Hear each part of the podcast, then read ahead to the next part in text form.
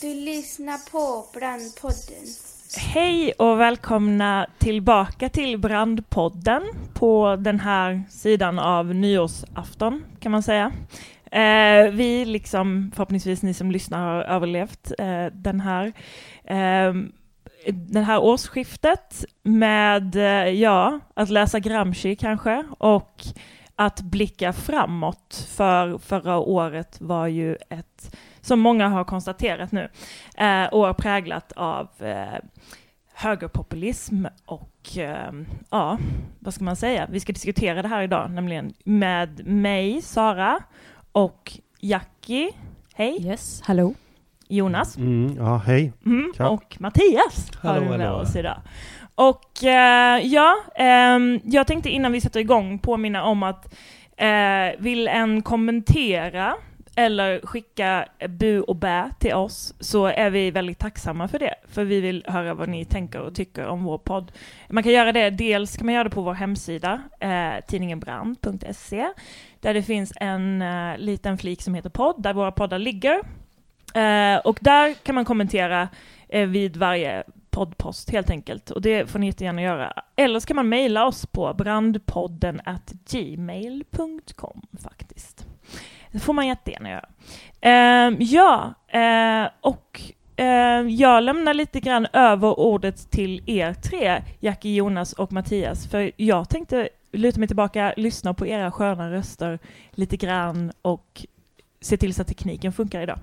Mm. Mm, tack. Ja, tack Sara. Mm. Det var väl tanken idag att vi skulle försöka prata lite om, um, om populismen, både från höger och från vänster. Att vi nu efter um, det här amerikanska presidentvalet som har varit, bland annat, och vi tänker att den här podden kanske släpps ungefär samtidigt som Trump um, svärs in som president och att vi ville ta att vi vill ta tillfället i akt nu och, och, och prata lite om de här grejerna och försöka reda i vad, vad, egentligen, eh, vad egentligen populismen är och varifrån den här liksom, så kallade populistiska vågen kommer ifrån.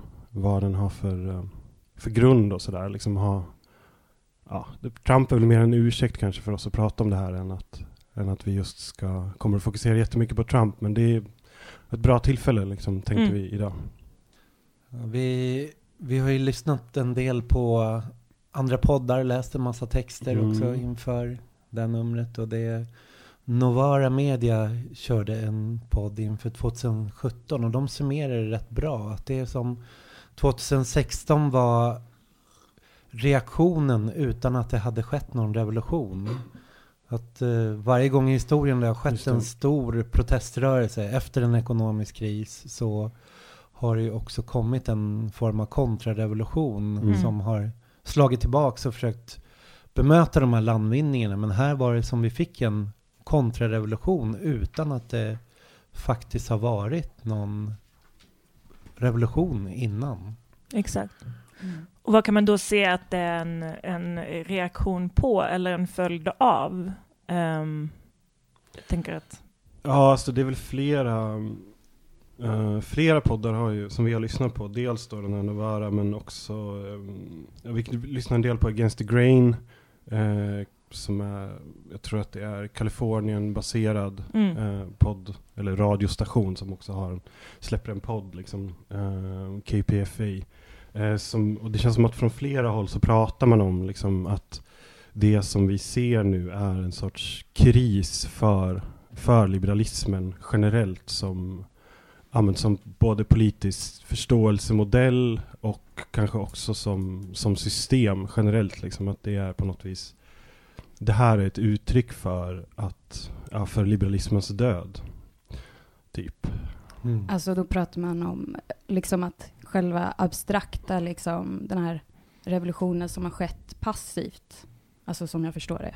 När jag ly- lyssnar på de här poddarna liksom, så pratar de ju Mm. om liksom eh, medvetande och liksom second gilded Mm. age och normalisering av eh, sweatshops. Mm. Mm.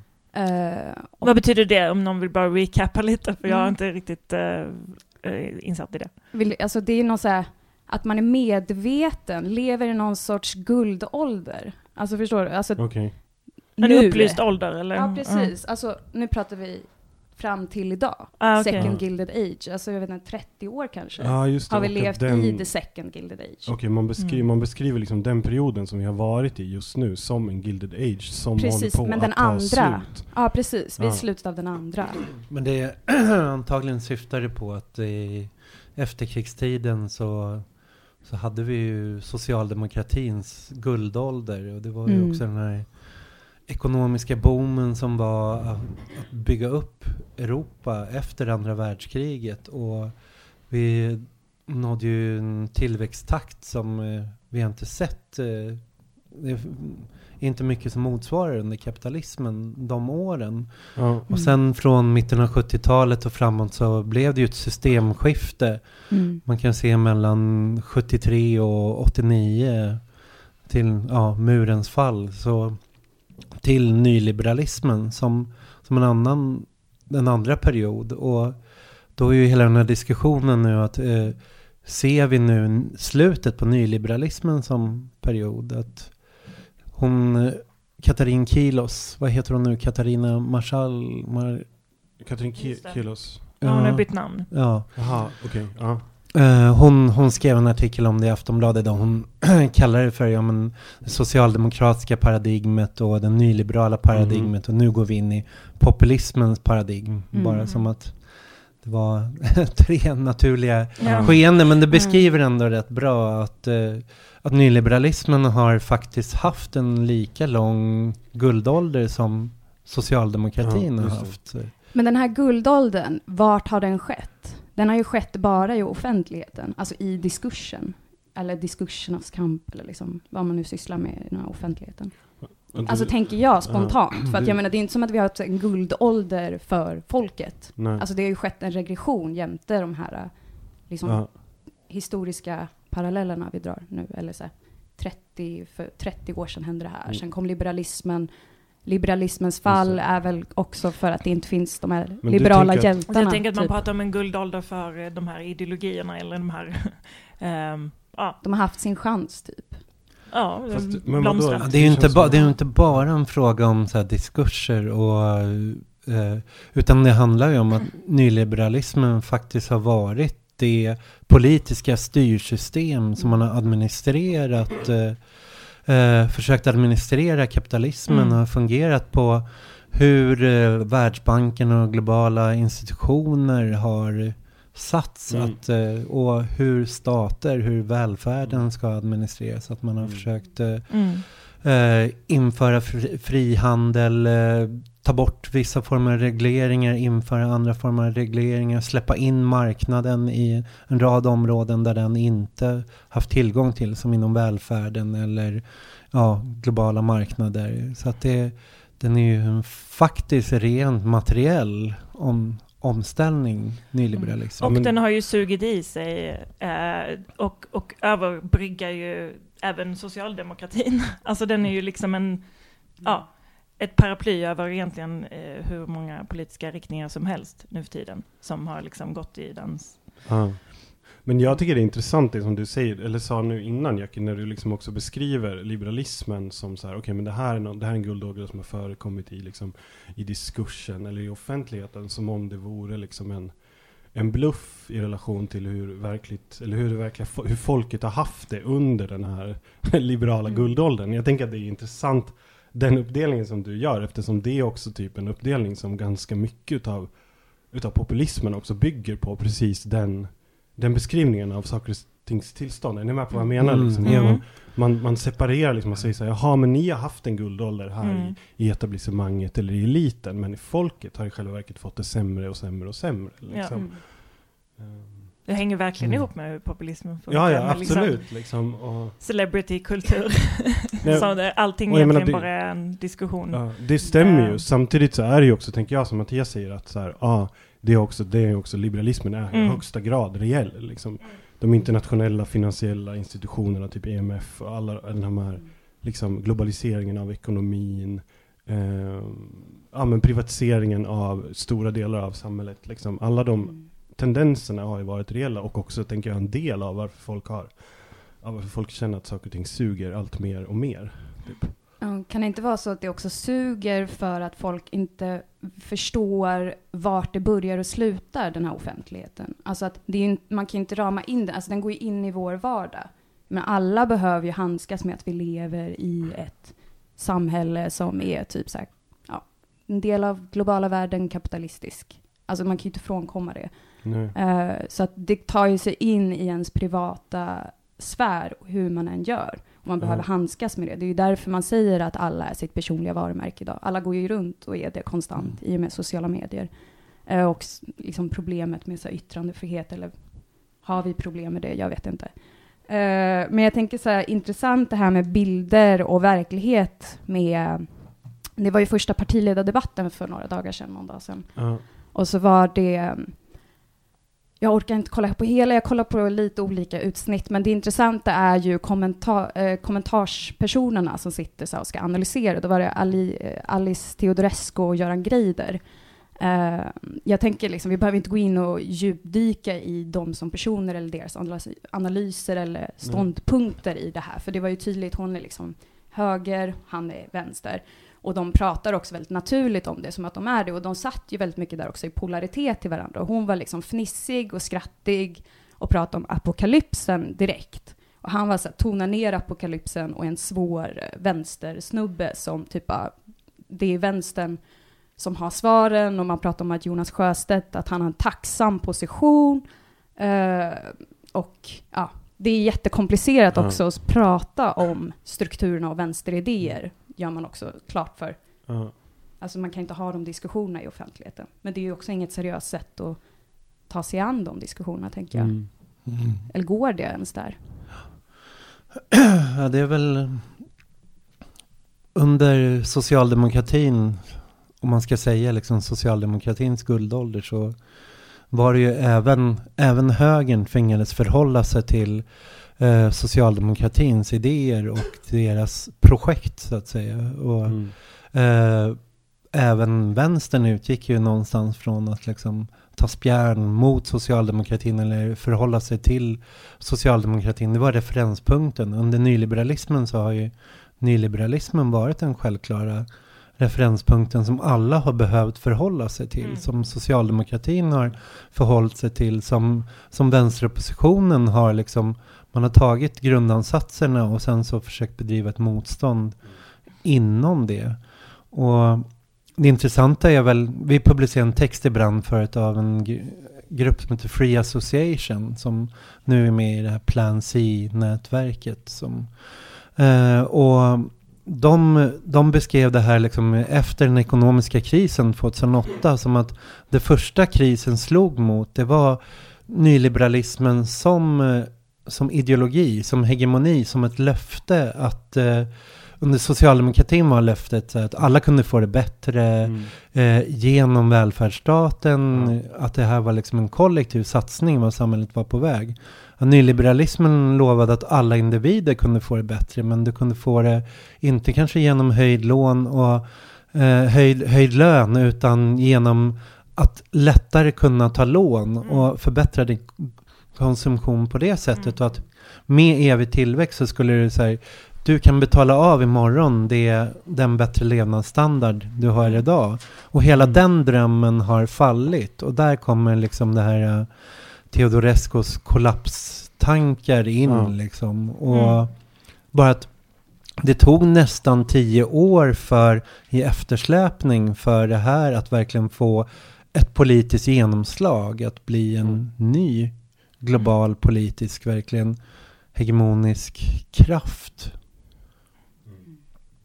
Ja, men då kanske man kan prata om den. Jag menar, en, en ganska stor grund till liberalismens kris då eh, är ju, tänker jag, just liksom ekonomin eller då, alltså, vad ska man säga, eh, kollapsen för låneekonomin till exempel som skedde i samband med 2008 när det inte längre blev möjligt att liksom låna sig ur eh, låna sig ur de problem som fanns inom ekonomin eftersom den typen av förhållningssätt också kräver en, en konstant tillväxt. Liksom. Och när den tillväxten haltar då blir det också svårt att, att basera liksom, eh, att basera framstegen i samhället på på lånen. Men jag tänker, finns det någon andra, finns det andra liksom, ekonomiska grunder för, för liberalismens kris som, som liksom ni ser det?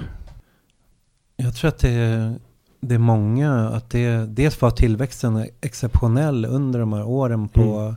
40, 50, 60, mitten 70-talet. Så här, att den, och sen eh, den finansialisering som har skett, det har också varit att eh, omfördela den ackumulation, de resurser som redan har skapats. Inte så mycket ackumulera nytt, så att ackumulationen Eh, kapitalackumulationen har på ett sätt sjunkit och sen som med finanskrisen så bankernas vinster har ju inte återhämtat sig och ackumulationstakten eh, går ju, har ju liksom inte heller vänt uppåt. Att Det går inte att nå de, så här, de stora eh, ja, guldårs boomåren Mm. liksom igen. Och så ekonomin har ju, det är en rad, så många Mm. problem. Och om man ser liksom den allians som har då byggt på liksom dragkraften mellan USA och Kina, att även Kinas vinstnivåer, profitnivåer liksom sjunker ju, liksom har, har, har rasat. Så att det, det finns inte den där liksom ekonomiska dragkraften just nu. Som, mm. Jag tänkte bara som en liten, eh, alltså, eh, ja, jag vet inte vad jag ska kalla det, men det är från Against the Grain, avsnittet den 13 december 2016. Så är det en massa utdrag eh, från Noam Chomsky i en dokumentär som han är med i, Requiem for an American Dream. Eh, kring 44 minuter så börjar han prata om just det här eh, eh, klassmedvetandet och liksom när det ska komma tillbaka och kontrollen. Eh, och jag tänker att det hänger ihop, för han pratar lite om just konsumtion och hela liksom drivkraften att folk liksom få, börjar liksom få igång rörelsen, för det, är- man är ju en del av den, liksom, eh, fast det är väldigt stort.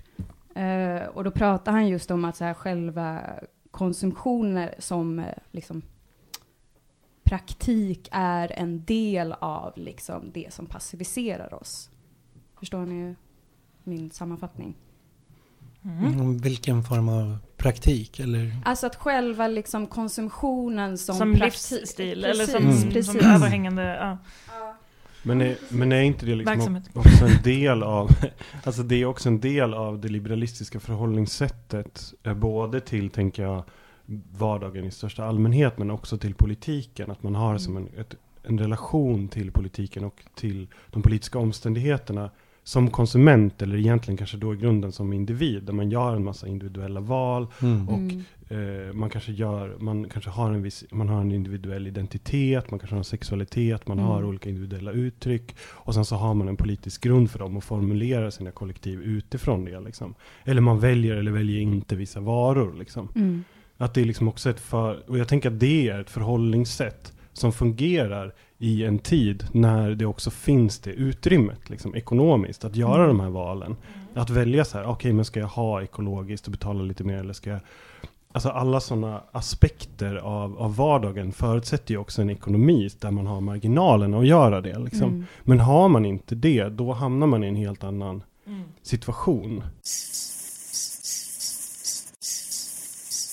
Du lyssnar på Brandpodden. Nu kommer vi ju in på en massa olika aspekter av liberalismens kris. Jag tänker att vi dels pratar om liksom individualismens kris, liksom, eller liksom så.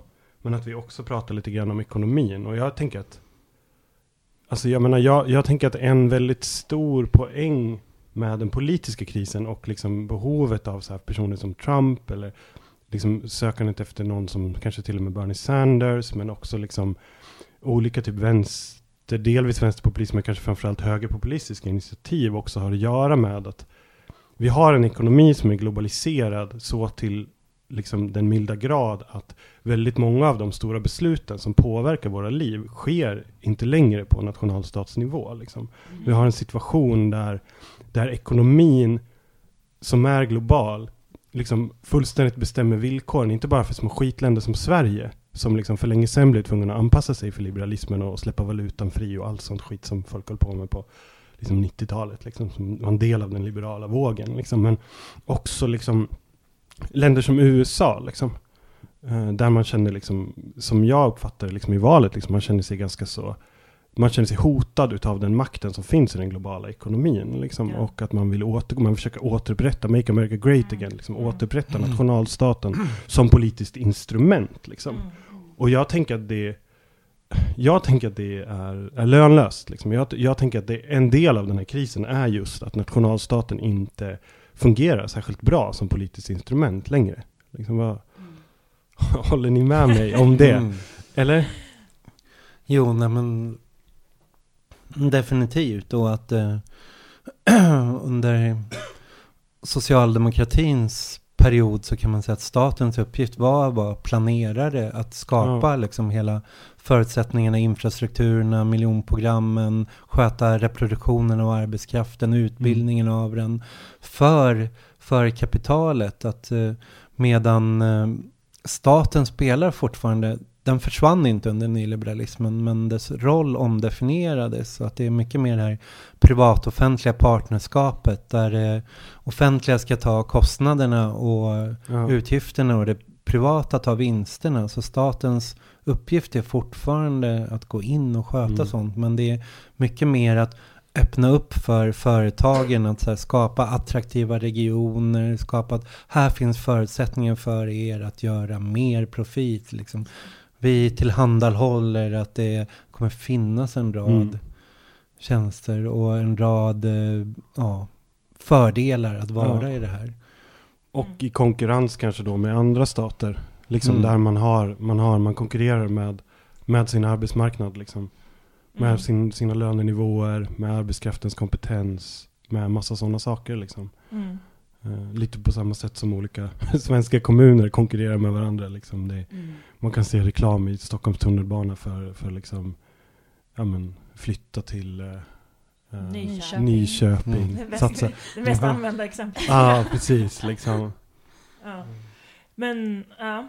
Innan vi kommer in på, på lite mer på högerpopulismen tänkte jag fråga er, för du Mattias skriver ju också om eh, i, i en, en eh, liten gnista som vi publicerade i Brand härom veckan eh, om en identitetspolitikens kris som Mm. hänger samman med detta. Jag är lite nyfiken på det, jag skulle jättegärna Mm. vilja höra lite resonemang kring det. Ja, nej men det jag skrev i den här texten var att jag kopplar ihop att nyliberal, nyliberalismens kris, i och med att det var ett så hegemoniskt projekt så är även socialdemokratin och identitetspolitiken knutna till nyliberalismen. Och man kan ta socialdemokratin först, att det hela den här eh, New Labour, Blairs socialdemokrati som togs över till Sverige, liksom Göran Persson, Mona Sahlin och Mm. alla drev. Det, var, det handlar ju om att använda nyliberalismen som motor i för att stärka välfärden genom att släppa in den, genom att den skulle fungera som vinstgenererande, genom att själv få plocka ut vinster ur välfärden så, Mm. så skulle den samtidigt göra eh, välfärden mer konkurrenskraftig och stark. Så att socialdemokratin har ju delvis släppt in nyliberalismen i det här och liksom administrerat den. Och sen när nyliberalismen hamnade i kris, eller när det var den globala ekonomiska finanskrisen 2008, då gick socialdemokratin in och bildade stora koalitioner i land efter land med högern, med mitten då, för att rädda ekonomin och påföra de här åtstramningspaketen. Så att eh, socialdemokratin har blivit ett så här, administrativt parti av Mm. nyliberalismen. Så när nyliberalismen vacklar så vacklar också socialdemokratin. Ja. Och identitetspolitiken, och det här är liksom inte min tes utan det är så här, både så här David Harvey och Visst. Wendy Brown och Nancy Fraser, de Mm. trycker på det Mm. här liksom att den form av eh, vänsteropposition liksom, eller en slags vänsterliberal opposition som var möjlig under var, det gick inte framgångsrikt att kräva omfördelningar av resurser och välstånd och eh, längre utan att eh, den framgångsrika vänsterpolitiken var den som kunde kräva rättigheter och att det har skedde en fullständig explosion av rättighetsrörelser Mm. under nyliberalismen och där nådde man också en rad framgångar. Och det som i debatten ofta kallas identitetspolitik, Mm. det handlar ju ofta om att så här, ge erkännande, ge former av representation. Mm. Att det, det var en motståndsform som var, ja, var fungerande och gav, ja, gav reella förbättringar. Men det var också inriktat bara på ett väldigt snävt område. Mm. Att Där man liksom, kunde... ja, undanröjda hin- hinder för social mobilitet. Att kunna Mm. röra sig uppåt och neråt i samhällshierarkin. I den fasta. Ja. Ja, och då var också den norm som hela identitetspolitiken bygger på är medelklassnormen. Mm. I och med att det är den, när man säger att någon är privilegierad och någon är underprivilegierad eller inte har privilegier, då Mm. mäter man det utifrån medelklassnormen är de privilegierade och Mm. de underprivilegierade som ska få sina hinder undanröjda. De ska kunna nå upp till medelklassnormen. Så att det är den som är alltings måttstock Ja. i identitetspolitiken. Inte den generella nivån på arbetarklassen eller hur man lyfter för de som Mm. är sämst. Utan Precis. hur man relaterar till den. Så. Men det känns ju som att det också bygger på en föreställning om att Ja men som i, om man tittar på Clintons valkampanj till exempel, där man pratade om att hon skulle spräcka det här glastaket och det högsta glastaket genom att hon skulle vara en kvinna som då har världens högsta ämbete. Liksom. Mm. Att det också på något vis bygger på föreställningen om att om, om, vi, om vi har de här underprivilegierade grupperna, om de finns representerade i de här högsta institutionerna så kommer det också förändra situationen för, för en, en, hel, en hel radda människor. Liksom. Mm. Och jag tänker att man kollar på till exempel jag menar, om man kollar på Barack Obama liksom, som, är, som är svart, liksom, som sitter som president i USA, parallellt med att man har en, liksom, att man har en våg med våld, liksom, Mm. polisvåld mot svarta människor. Liksom, Mm. och en, och en liksom, vad ska man säga, eh, fortfarande en, en otroligt diskriminerande liksom, situation, en rasistisk situation för väldigt, väldigt stor del av den svarta arbetarklassen. Liksom. Det är inte som att det är inte som att bara för att man har en svart president så är det inte typ de svarta fångarna i fängelserna som ut, utgör den här enorma styrkan av i princip obetald arbetskraft liksom, som man har i USA idag med de Mm. här systemen med, med produktion på fängelserna eller med polisvåldet. Jag, menar, jag tänker att samma situation har man ju med, det är inte bara för att man har en jämlik styrelserum så får man ju inte, det är inte bara, alltså, det leder inte nödvändigtvis till att liksom, Mm det är inte kvinnor som får de här sämsta betalda jobben eller liksom kanske till och med obetalda jobben. Liksom. Ja, alltså jag tänker liksom att det är olika saker man bör tänka på här också. Att det är eh, dels verkandet så här, i den här offentligheten och den här kampen som då identitetskamperna som har förts i den. Eh, parallellt med att något annat har skett. För att jag menar att prata om strukturer eh, och liksom form, alltså formulera dem och förstå dem är ju hela offentligheten, är ju systemet. Så att Mhm. verka i den, det är väl det liksom som ni förklarar här, att det är problematiskt och hur det har sett ut. Liksom. Men jämte att det har pågått en kamp så har det ju byggts något annat där liksom också man förstår varför man överhuvudtaget ens pratar om strukturer. Liksom. Det är ju för att ge, eh, liksom, ge bild åt gränser som redan existerar, som är osynliga. Ja, absolut. Exakt. Det finns ju, man måste ju vara noggrann där också med att det finns ju många som beskyller identitetspolitiken då för högerpopulismen till exempel. Det finns ju en hel ehm, rad sådana argument. Det får man ju också vara väldigt... Det är ju lite det vi reder ut nu, vad det här egentligen handlar Ja. om. Mm. Liksom.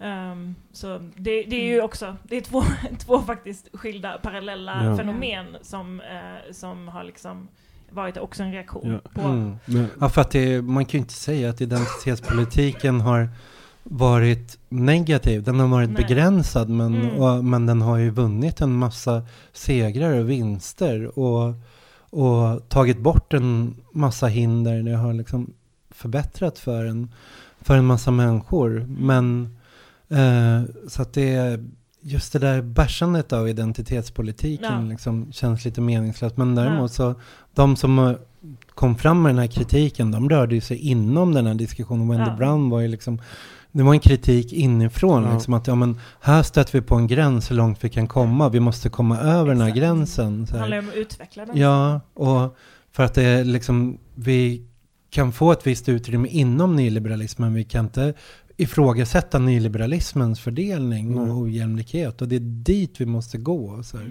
Nej, men det är, jag tänker att vi kanske inte ska gröta ner oss i Wendy Brown, men, men vi har ju varit inne på vissa av de tankarna tidigare också i podden när vi pratar om, om personligt varumärke till exempel. Och en, en viktig tankegång hos henne är ju att hon menar att liksom, också för att man ska kunna få en rättighet liksom, i egenskap av kvinna till exempel, så måste man också ställa sig upp och räcka upp handen liksom, och säga så här, hej hej, hej hej borgerlig offentlighet, jag är kvinna.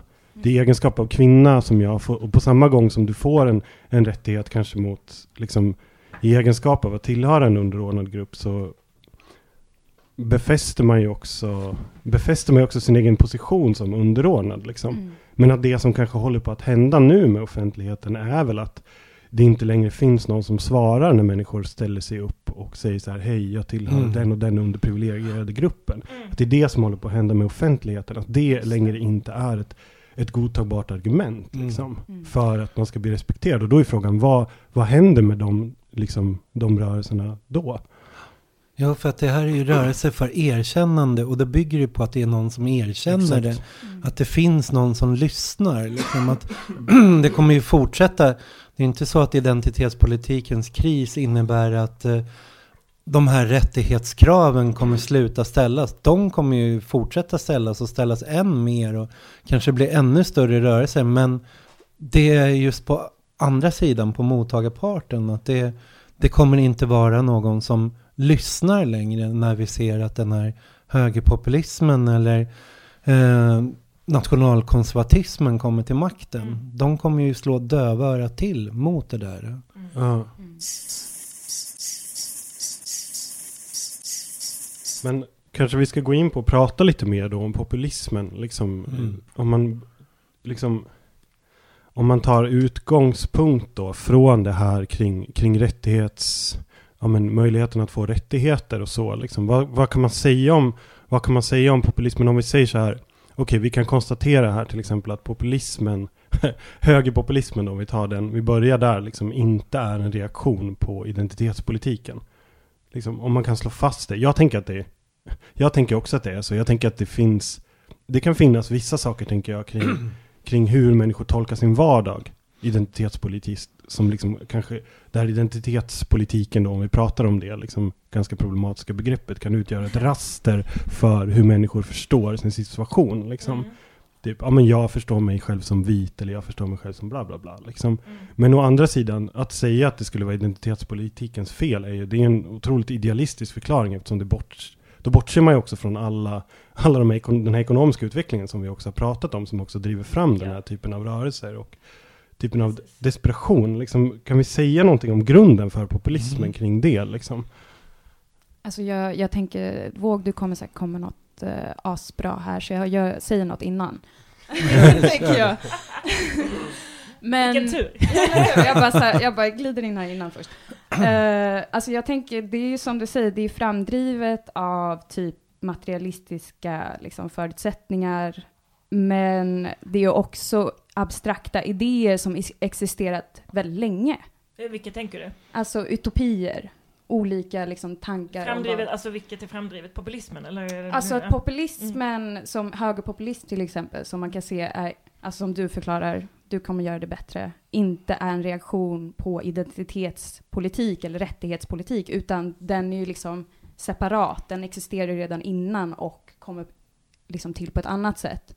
Eh, men jag tänker att det som är viktigt är att lyfta fram att det är faktiska ideologier som redan finns, som mm. kommer igen, som existerar oberoende varandra, eller kanske mm. polariserar. Mm. Men alltså att, ja. Mm. Men jag, jag tänker att den delvis är en reaktion mot identitetspolitiken, mm. men kanske inte i första hand en reaktion mot, utan om man ser nyliberalismens kris och så är socialdemokratins också är identitetspolitikens kris. Så lyckas högerpopulismen, den lyckas ju formulera en politisk projekt eller motvision mot alla tre. Liksom. Att det, den, eh, vänder sig mot nyliberalismens globalisering och säger att vi behöver protektionism. Mm.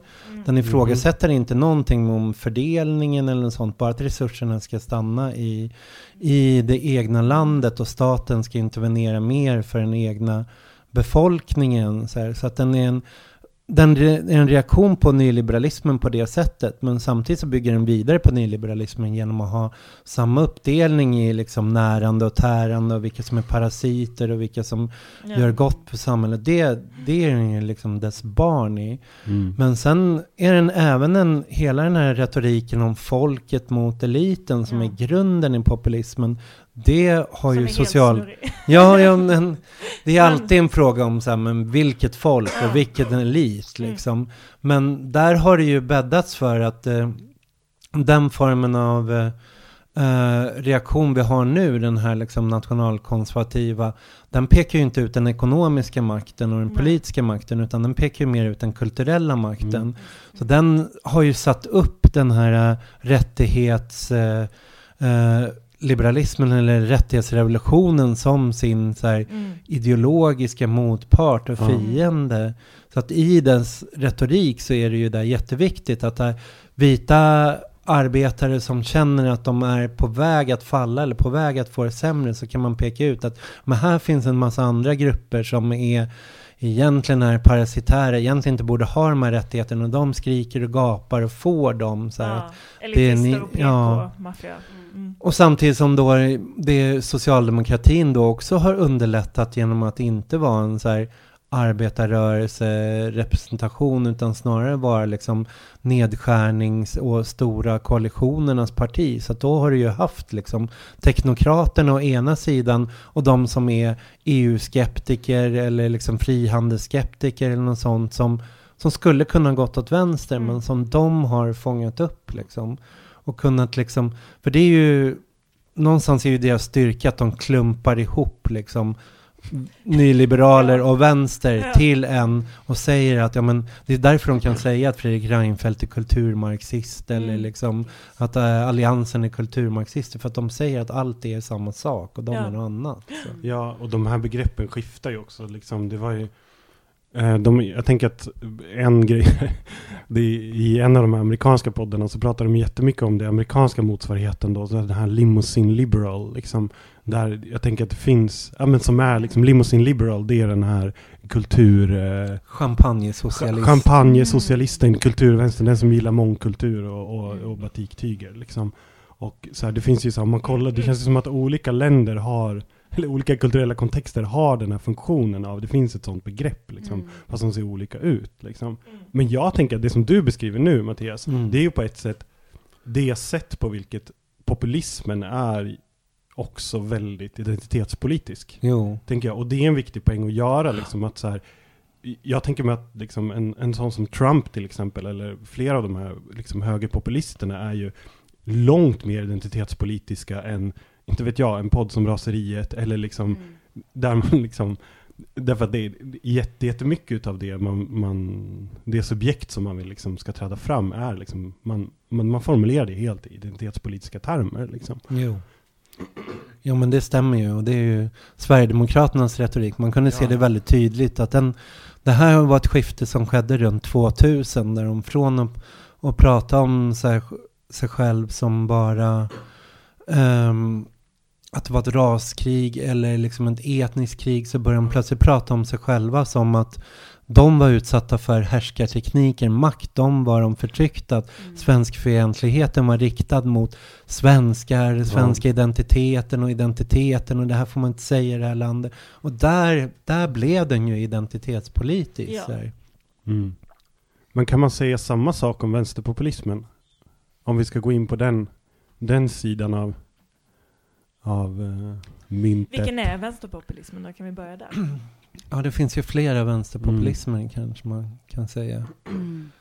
För precis som högerpopulismen, att det alltid bygger på det här, populismens kärna är motståndet mellan en elit eh, som är, liksom, har en dold dagordning för någon missvisande eh, politik över ett folk, så, eh, så den där eliten kan ju variera och folket kan variera. Folket kan vara klassen, folket kan vara eh, en öppen inkluderande folk som försöker få med fler i den beteckningen. Och eliten kan ju vara, det kan ju vara den kulturella, det kan vara den politiska, det kan vara den ekonomiska, det kan vara de en Mm. procenten, det kan vara så, så en stor del av vänsterpopulismen som- Podemos och Syriza och sånt, de försöker ju liksom vända det till att ja, men eliten är den här en procenten som, som gynnar sig själva med Mm. i den här situationen att nyliberalismens kris är en stor omfördelning av resurser till den här en procenten där folket är de som, de som får betala krisen. Det är det som är folket. Ja. Mm. Och Snarare, också, än, snarare än något etnos eller något. mm. Ja, det är väl lite olika det. Men jag tänker att just den här eliten också på samma sätt beskrivs olika. Man pratar om den i Bernie Sanders pratar om Wall Street, eh, Podemos pratar om den politiska kasten tror jag. Eller hur, visst har de det begreppet? Liksom. Mm.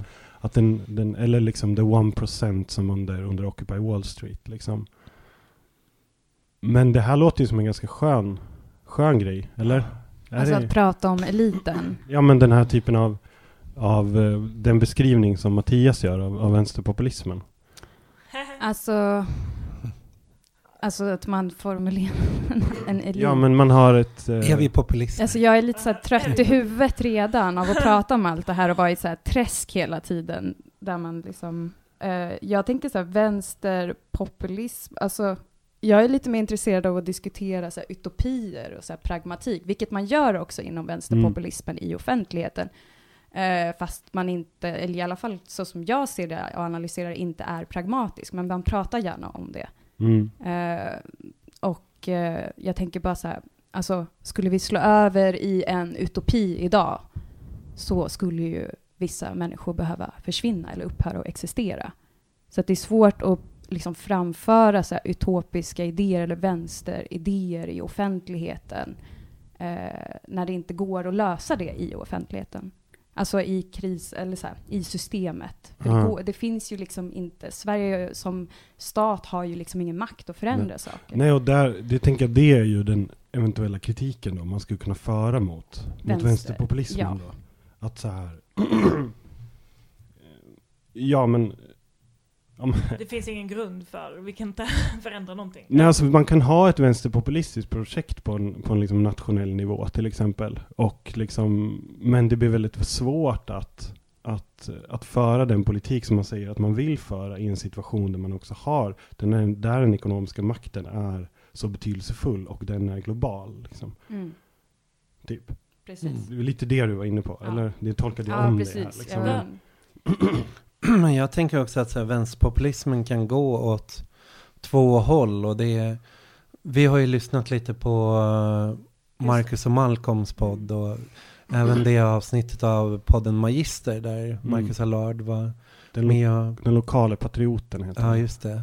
Där han beskriver sitt populistprojekt utifrån Örebropartiet som han bedriver i Örebro då. Och deras populism är ju en populism som går åt ett mer så här svenska folket-hållet. Så här, att man ska återeröva de här begreppen. Och jag tänker lite som eh, under nyliberalismen att vi hade en vänsteropposition som var nyliberal, liksom accepterade nyliberalismens grundpremisser. Så är det här liksom, om vi nu är i populismens paradigm, högerpopulismens paradigm, Ja. så är det en vänsterpopulism som accepterar deras grundproblemställningar. De säger att 68-vänstern eller postmoderna vänstern förstörde allting, allt blev fel när vi börjar prata om, om identiteter, vi måste gå, gå tillbaks till, till folket och se hur vi ska skapa Mm. en populism från, från folket. Eh, eh, och den accepterar ju liksom många av dem, att vi måste acceptera att folk är rädda för brott och liksom så här nyli, ja, men de säger så här, högerpopulisterna ungefär ställer rätt frågor men ger fel svar. Vi ska bara ge Mm. rätt eh, bättre svar men ta samma frågor. Medan den andra formen av populism som kanske är mer så här Podemos, Syriza, Varoufakis rörelse på en europeisk plan, eh, DM, de försöker ju mer verka genom att föra samman en rad olika tendenser, alla de sociala kamper som på olika sätt är drabbade och, och få ihop dem till ett eh, paraply liksom, Mm. mot, mot den ekonomiska eliten, ekonomisk-politiska eliten. Så här, och att det, det är två, två olika former av vänsterpopulism. Mm. Mm. Parallellt med det här så, så sker det ju eh, en massa andra saker. Det har vi väl kanske sett i, eh, på andra platser i Europa. Italien efter Berlusconi har ju Mm. också varit ett, eh, ett eh, sånt exempel, tänker jag, där inte bara någon slags eh, populistisk rörelse, eh, motkraft, har vuxit, vilket också har hänt där med femstjärnerörelsen. Mm. Men också alternativa grupper. Eh, eller grupper, men, men sociala rörelser har fått ett uppsving efter det. Vad, vad tänker ni kring, vad är liksom vägen framåt just nu på den fronten? Så att säga. Vad kan ni se? Alltså, mm, jag tänker här i Sverige så är det ju, alltså jag tänkte det redan för några år sedan, att jag slogs av hur många olika organisationer som finns som faktiskt verkar utan erkännande och som försöker göra något konstruktivt och liksom bilda nätverk och eh, bygga broar för, liksom, mellan folk liksom, och hålla sig förankrade lokalt. Vilket är intressant det här med Allard-avsnittet, där han, de pratar liksom om den lokala patrioten Eh, och han liksom diskuterar om liksom sina lokala ambitioner, men han pratar aldrig om vart de orden kommer ifrån, eller idéerna, för att de har ju funnits här väldigt länge. Liksom. Eh, så att här i Sverige tänker jag, det är bara att fortsätta som man gör, och folk kan väl gå in i någon organisation. Mm, Jag tror att liksom, för mig är, för mig är liksom den här, alltså frågan kring populismen liksom och, och ehm, förutsättningarna för populismen också har väldigt mycket att göra med grunderna för liksom den situationen där populismen vinner kraft. Liksom. Och jag tänker mig att så här, för mig, för mig, jag tror att jag tror att en viktig grej som har att göra med både högerpopulismen och, och vänsterpopulismen, liksom, som gör att man, de, de får den farten som de får kanske idag, liksom, som gör att folk sätter sitt hopp till Sanders eller till Trump eller till liksom, ja, you name it, liksom, också har att göra med att det finns en del vi har, vi har ett antal materiella förutsättningar liksom, som har att göra med ekonomins globalisering, som har att göra med situationen på arbetsmarknaden, som har att göra med att arbetarklassen globalt har eh, har under en lång period tryckts tillbaka. Liksom. Och jag tror att de förutsättningarna eh, är liksom också grunden för den frustrationen, ganska mycket grunden för den frustrationen som populismen bygger sin rör på, rörelse på. Och det gäller, det gäller, liksom, det gäller, det gäller både höger och vänsterpopulismen. Och sen handlar det liksom om hur man förvaltar det hur man förvaltar det projektet. Liksom. Och jag tror, inte att, jag tror inte att Trump kan förvalta den frustration som han bygger sin rörelse på, till exempel. Jag tror att Trump kommer göra sina, sina, jag tror att han redan gör sina väljare grymt besvikna. Ja. Det är jäkligt farligt för Trump, men Mm. jag tror att en person som Sanders till exempel, och den typen av rörelse som han byggde på, Mm. också skulle ha hamnat i den situationen. Liksom. Mhm. Vilket är nästan ännu mer, vilket nästan är ännu farligare, för att det är en situation där, ehm, där han bygger ett vänsterprojekt som jag tror är dömt att misslyckas. Ja. Liksom. Därför att de mekanismer som gör att klassamhället ser ut som de gör och som i sin tur leder fram till populismen, liksom, de mekanismerna går inte att lösa på nationalstatsnivå. Liksom. Jag tror på en helt annan typ av organisering. Jag tror att man måste fram för en organisering som är mycket mer internationell och som bygger upp helt andra typer av politiska institutioner än de, de partierna som vi idag ser. Liksom så här. Och jag menar, det gäller även på en EU-nivå. Liksom. Ja. Eh, och där tror jag att liksom, där tror jag att, det, där tror jag att ganska mycket utav grunden för en sån rörelse skulle finnas hos jag tror att det handlar väldigt mycket om, om arbetarklassen och arbet, ar- organisering kring arbete. Liksom. Därför att där finns, en, där finns redan potentialen för en Mm. stark internationalism. Liksom, eftersom att För den globala ekonomin är helt global. Och inte bara ekonomin, det är inte bara ägarstrukturerna som är globala, utan också sättet på vilket vi exploateras Ja. är globalt idag. Liksom. Managementsteknikerna är liksom samma i, som vi har varit inne i programmet, Ja. liksom, med lean production. De är samma i olika länder, företagen är liknande. Och jag Företagen är samma. Företagen är samma liksom. Och där, där tror jag finns en otroligt stor potential för att bygga upp en politisk motmakt. Liksom. Ja. Eh, som inte riskerar att misslyckas som ett eventuellt liksom, nationellt orienterat populistiskt initiativ. Mm. Som det här som Allard och de pratar om, till exempel. eller Det finns ju många andra som, som är inne på det. Liksom. Mm. De kommer att misslyckas, därför att kapitalismen ser ut sådan. Liksom, man måste börja en analys av kapitalismen. Ja, liksom. absolut. Så det här är jättespännande tycker jag. Va, Mm. vad ser vi för, eh, för sådana, kan vi, kan vi eh, alltså ringa in de här alternativen som ändå gror och finns eh, just nu? Liksom.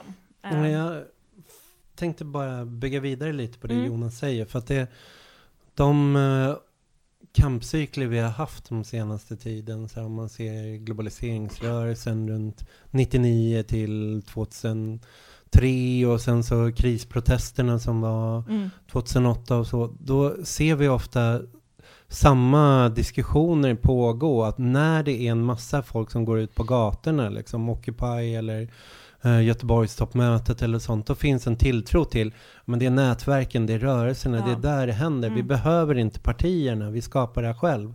Sen misslyckas de att institutionalisera några segrar eller nå- och då svänger pendeln liksom att ja, men vi måste bilda antikapitalistiska partiet, vi måste bilda Podemos, vi måste ta tränga in oss i de här borgerliga institutionerna och vinna segrar. För annars, det räcker inte med rörelser. Rörelserna är en svag form. Och sen kommer de in i det där som Syriza och kan inte förändra någonting. Och då svänger pendeln tillbaks liksom och säger att men, det kan inte förändra någonting genom det parlamentariska systemet. Vi, vi får sitta och administrera en liksom, kapitalistisk ekonomi. Vi måste Mm. tillbaks till rörelserna. Och det, eh, det är samma i populismdiskussionerna. Att han, den vänsterpopulismens stora teoretiker det är ju Ernesto Laclau, liksom, Mm. Laclau och Mouffe som har skrivit om att där de ser populismen som det är uppbyggandet av paraplyer. Och paraplyerna är bara samla alla rörelser eller alla grupper som finns. Ju fler du kan samla desto bättre. Och det viktiga vad man samlar omkring.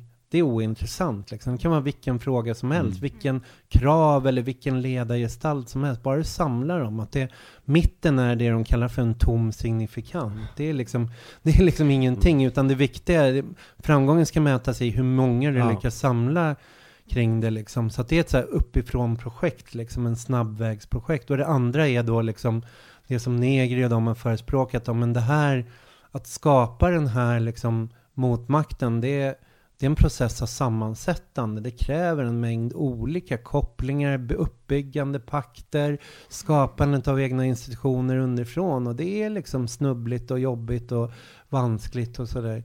Men frågan är liksom, går det att hitta ett mellanting eller en kombination av Ja. de där idag? Och att slippa den här pendelrörelsen fram och tillbaks mellanåt, då är ju liksom spännande kanske att titta lite på eh, municipa- municipalismen som eh, liksom den frihetliga kommunalismen, de som försöker tränga in i kommunala beslutsnivåer underifrån genom folkförsamling och folkligt deltagande och socialprotestdeltagande men inte bara för att få representanter utan att bryta upp de här representantstrukturerna underifrån. Mm. Att det måste komma någon så här, visst kan man lyfta ett parti till makten men det måste komma någon feedback-loop tillbaks också som Mm. stärker rörelserna och ger dem någonting tillbaks. Och Mm. det där är liksom medborgarplattformarna i, i Spanien. Det går inte att förstå på Demos framgångar Mm. utan att förstå deras framgångar. Och deras framgångar går inte att förstå utan att förstå PA och de sociala Exakt. rörelserna, antivräkningsgruppernas framgångar. Mm. Och den processen, det är ju inte solskenshistoria. Det är väldigt mycket friktion och konflikter och liksom i det också. Men det är ändå inspirerande att se att de Mm. inte väljer det ena eller det andra av det där. Nej, men Nej. En, en konflikt i de rörelserna har väl också varit just deltagandet i de här döende borgerliga parlamentariska institutionerna. Liksom. Jag Mm. tycker att ett initiativ som... Men där måste jag säga också att, att när man också pratar med till exempel eh, de medborgarplattformar som finns eller med, ja, i Neapel, Mm. eh, när man pratar med enskilda personer som ändå är fortsatt med i de här nätverken så, så eh, ställer de ju inte sig bakom Nej, eh, de personer som har gått över till och, och vara en del av, av partierna så att säga. Så att det är liksom inte, det är inte heller, det är inte heller någonting som nätverket i sig står för. Nej, liksom. precis. Och det tycker jag är intressant. För du, har, du och jag pratade om det någon gång, vet Mm. jag Sara. Liksom där, där du också pratade om att det också finns en så här, Det finns en vilja och en tendens till att man börjar in, organisera den här municipalistiska rörelsen internationellt också. Liksom. Och att det tänker jag är ett jätteintressant intressant väg att gå politiskt istället för att fokusera på det egna, liksom bära fram ett sånt plattformsparti som Podemos. Istället så liksom tittar man över gränserna och så börjar man kontakta och liksom knyta band till andra grupper som arbetar på samma sätt. Liksom, Mm, för att precis. bygga upp en internationell... Jag tycker det är, Ja. det är skitspännande exempel på municipalism liksom, och där det lokala är internationellt. Liksom. Mm, Man visst. hoppar över det jävla nationalstatssteget. Liksom. Ja. wow. Ja, nej men det är, David Harvey kallar det för rebellstäder och det har ju Mm. varit träffar för rebellstäder i Europa. De Ja. var en träff i Ja. Berlin för ett tag sedan. Så det börjar ju knytas sådana nätverk hur Mm. man ska Vi stärka tänkte sådana ju att. Stockholm skulle bli en del av det också då. Ja, Rebellstaden kan- är ganska långt till dess liksom. Men Örebro däremot, jävlar.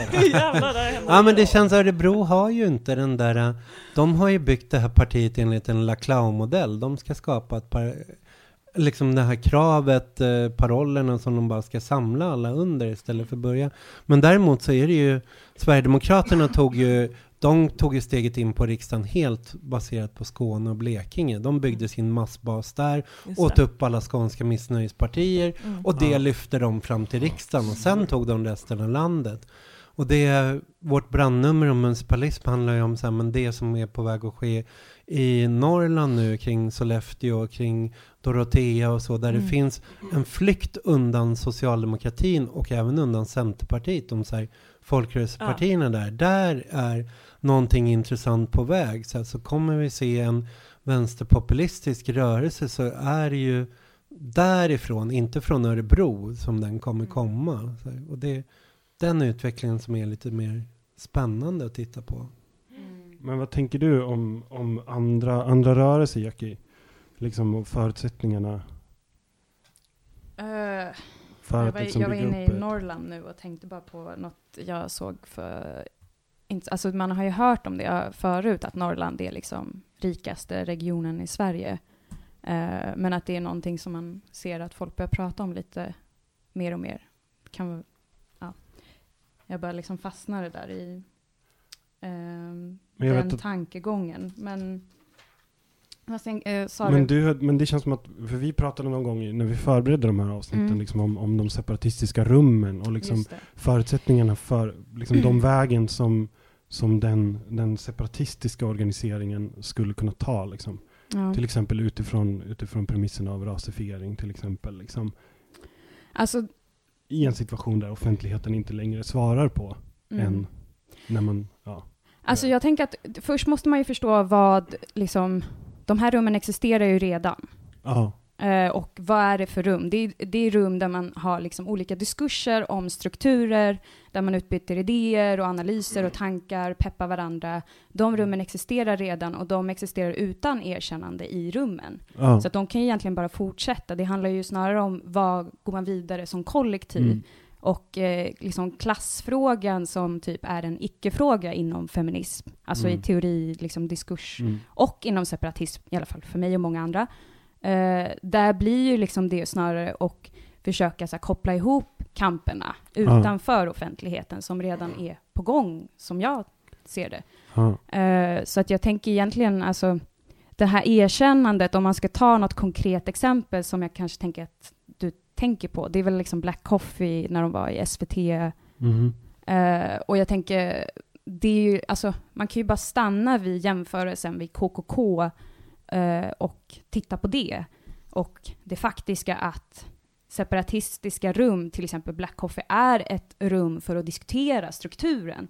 Så att när man är i den så blir man jämförd med KKK som Ja, vill i sin praktik döda folk. Liksom. Så att det är bara absurt där, att man bara liksom stannar där, okej det funkar inte, eller Mm. förutsättningarna som du säger, man blir liksom placerad i ett fack Mm. och i en polaritet mot Mm. någonting. Så att det blir som så här, bara misslyckat ens försöka ha en diskussion där på Mm. ett sätt. Mm. Om man inte liksom förbereder sig, alltså om man gör en attack i Ja. offentligheten. Eh, Mm.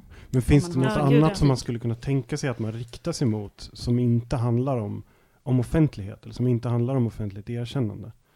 Liksom.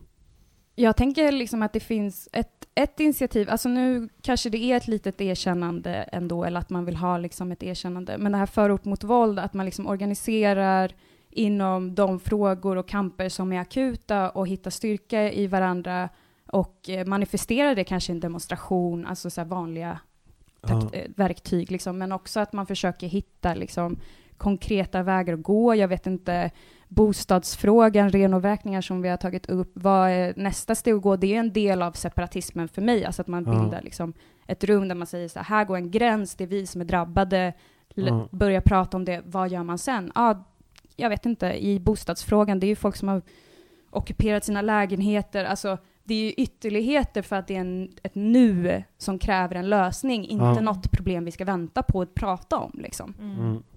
Men det går att foga samman med en massa andra frågor. Och det är väl det, nästa, nästa steg, precis. Liksom, precis som du säger. Att det är precis. Här, precis som förorten mot våld också är en bredare rörelse. Ja. Precis det som parollen säger. Du lyssnar på Brandpodden. Så um, ska vi summera lite kanske? Vad säger du Mattias? Ja, nej men det har varit mycket intressant som har kommit fram och jag tror om det stämmer det här att vi är på väg in i populismens epok nu, populismens paradigm är det som råder så tycker jag det intressanta med Trumps seger och Brexit och vi har liksom Putin och Erdogan med makten är att det går inte för dem att använda det där underdog-perspektivet längre. Att det är om socialdemokratin och nyliberalerna i liksom stora koalitionen var mm. den gamla eliten så är de nu den nya eliten. Mm. Och eh, där har vi liksom någonting vi, om vi vill vara vänsterpopulister så är det ju det vi måste trycka på. Att det är liksom Sverigedemokraterna är den nya eliten. De, de sitter i samma knä som Göteborgs-Posten och Timbro nu. Liksom. Mm. Att det, det är inget skilt intresse längre. Mm. Och det är liksom, de bedriver samma politik som Trump gör liksom, och Putin gör. Liksom. De har de största presidenterna i ryggen. Det är, ja. det är de som är den nya eliten.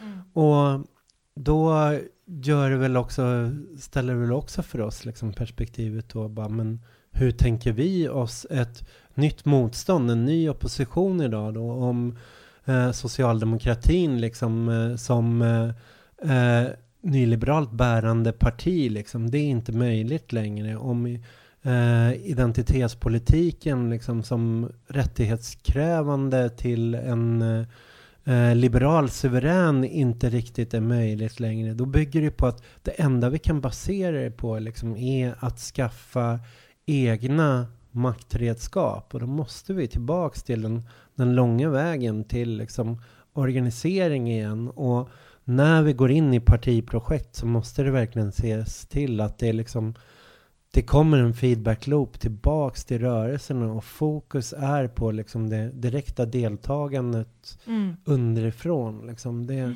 det måste jag vet att varje nytt parti säger så, att vi ska vara ett parti av en ny typ och vi kommer mm. ha en mm. ny relation till folket och vara helt annorlunda. Och det, det, liksom, det blir lite tomt att säga så nu också, men mm.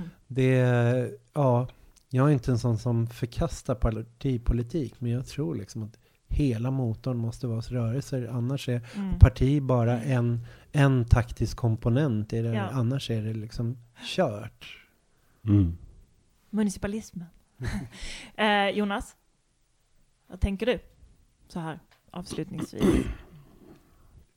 Ja, men, jag, kan tycka, jag tycker också att det var ett spännande samtal. Liksom. Det var också varit, eh, jag tänker att det, vi vanligtvis i den här podden så tar vi ju upp, vi har ju ganska stort fokus på, på liksom, vad ska man säga, upplevelsen av, så jag tänker mig att vi har det i alla fall, upplevelsen av vår vardag liksom, eller så här, hur olika saker påverkar oss så här kroppsligt och psykiskt och liksom sådär. Och, och det har varit, jag tycker det har varit givande att liksom, att göra den här lilla ut utvikningen in i liksom någon sorts stor politisk, världspolitisk situation. Liksom.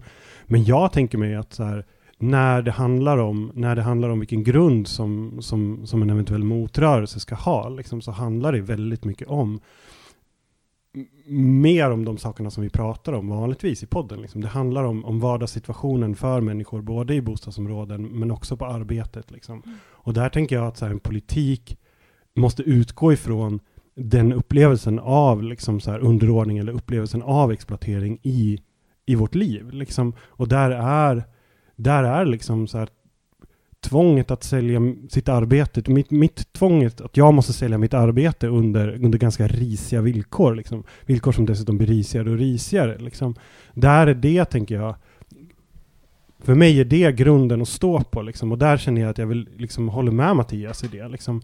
Sen så, sen tror jag också att det finns en risk med de, de eh, ja, men att gå mot de här politiska institutionerna som, som partier, lokala partier eller, eller liksom nationella partier, att det finns en tendens, tänker jag, när man bygger en rörelse och sen skapar man de partierna, att de också tar över eh, tar över. Och det Mm. tänker jag att man har sett till viss del med på demos, liksom, där det också finns en splittring mellan de så här gräs, gräsrötterna liksom, som har lyft fram på demos och partiledningen. Och det är samma som du pratar om, tänker jag, med, med Italien, liksom, att, att Mm. den uppsplittringen uppstår ganska snabbt. Och där tänker jag att det finns en vikt av att bygga internationella politiska institutioner. Liksom. Ja. Eh, och där tycker jag att jag menar, vi är ju alla som sitter här är ju också politiskt organiserade. Liksom. Och där tycker jag att de initiativ som, som jag har varit en del av, eller som jag är en del av, genom till exempel förbundet Allt åt alla, eh, det internationella samarbetet kring den sociala strejken, där liksom olika, till exempel arbetarkollektiv, liksom träffas över gränserna och bygger upp en organisering och en gemenskap Olika tillsammans. grupper. Liksom, Mm. Olika grupper. Mm. Liksom, där, den tycker jag, det, för mig är det vägen att gå på, Mm. en, på en internationell nivå. Mm. Liksom, och där man bygger upp en global politisk organisering. Liksom. Jag tycker liksom inte att så här, att gå tillbaka till rötterna kan ibland låta som att vi ska så här, bara syssla med att vara i kvarteren eller bara syssla med enskilda arbetsplatser. Mm. Liksom. Mm. Jag tror att det behövs liksom, politiska initiativ. Liksom. Sen kan man kalla dem partier, man kan kalla dem vad som helst. Mm. Liksom. Men jag tror att de måste vara globala. Liksom.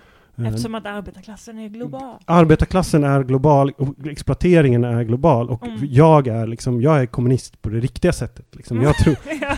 alltså nu blir det, liksom, men jag menar vad fan, liksom, det Ja. är klassen står i centrum och det är klassens kamp och det är klassen Mm. som för den kampen. Det är proletariatet, det är alla vi som exploateras Mm. i vår vardag som utgör grunden för rörelsen. Och där kan man inte prata om en svensk arbetarklass eller en amerikansk arbetarklass. Våra villkor är globala, klassen är global. Liksom. Exploatering nu. Och exploateringen är global Mm. och, och villkoren för exploateringen är det. Och där, det är på det vi måste bygga organiseringen och det är det Mm. vi gör. Och det är Mm. klart det tar tid. Det tar tid, och, men vi gör det. Liksom, Mm. Och det är bara att haka på. Mm. Jackie? Ja, alltså sammanfattning av hela avsnittet utan att vara Eller bara, överflödig. eller bara känsla. Ja, alltså det, min, ja, det var det jag tänkte. Alltså, spontant så är det väl lite så här tankarna om de här hjältarna som aldrig kom. Alltså nu tänker jag så här Iron Rand-hjältarna. Mm. Eh, och lite så här typ det man sett nu senaste åren. Alltså alla de här hjältarna som alla har försökt vara för rörelsen. Liksom. Och vad som sker nu. Alltså nu pratar jag väldigt individplan. Och att Ja. kanske De personliga varumärkena. som man Precis, att så här, kanske liksom släppa individtänket. Eller i alla fall ta liksom, kanske ett djupt andetag och fundera liksom, på helheten. Eller vad är en en del av eller inte en del av. Vart Mm. sker den riktiga kampen eller vad är det jag kämpar för? Alltså liksom, man kan Ja. göra för Ja. kollektivet. kanske. precis, var lite självkritisk. Bara lite, lite, Mm. lite, lite. Mm. Tack, vad fint. Eh, jag tänker inte summera programmet alls, utan, eh, men jag tänker eh, kanske eventuellt summera eh, Brandpodden och vilka vi har varit här idag. Det har varit jag, Sara, som har skött tekniken, och det har varit Jackie, och det har varit Jonas, och det har varit Mattias som har pratat. Um, och tack för alla som har varit med och lyssnat, eller varit och lyssnat på oss. Vi kommer att återkomma i, eh, i vår ganska frekvent. Och eh, hoppas att ni följer med oss då. Um, vi kan ju också säga det, apropå det Jonas sa om social strejk, så kommer ehm, det var en eh, migrantstrejk nu i London som jag vill rekommendera er att hålla lite ögonen på. Eh, som heter One Day Without Ja. Us. Eh, som kan vara intressant att titta på som ett exempel på det här. Och som ehm, eh, vi också kommer reflektera i ett kommande brandnummer. Som kommer handla om den sociala strejken. Mm, Kvinnostrejken den 8 mars också. också ja. är ju också en Global. li liknande, liknande initiativ som Mm. väl kommer från Argentina först va? Eller hur? Visst är det så? Precis. Mm. Och från nätverket Transnational Social Ja. Strike. Precis. som man också kan titta på. Eh, skicka gärna mail till oss om ni har tankar och idéer. Eh, brandpodden at gmail.com. Tack så mycket alla som har lyssnat och Yes. tack ni här. Tack. Tack, tack.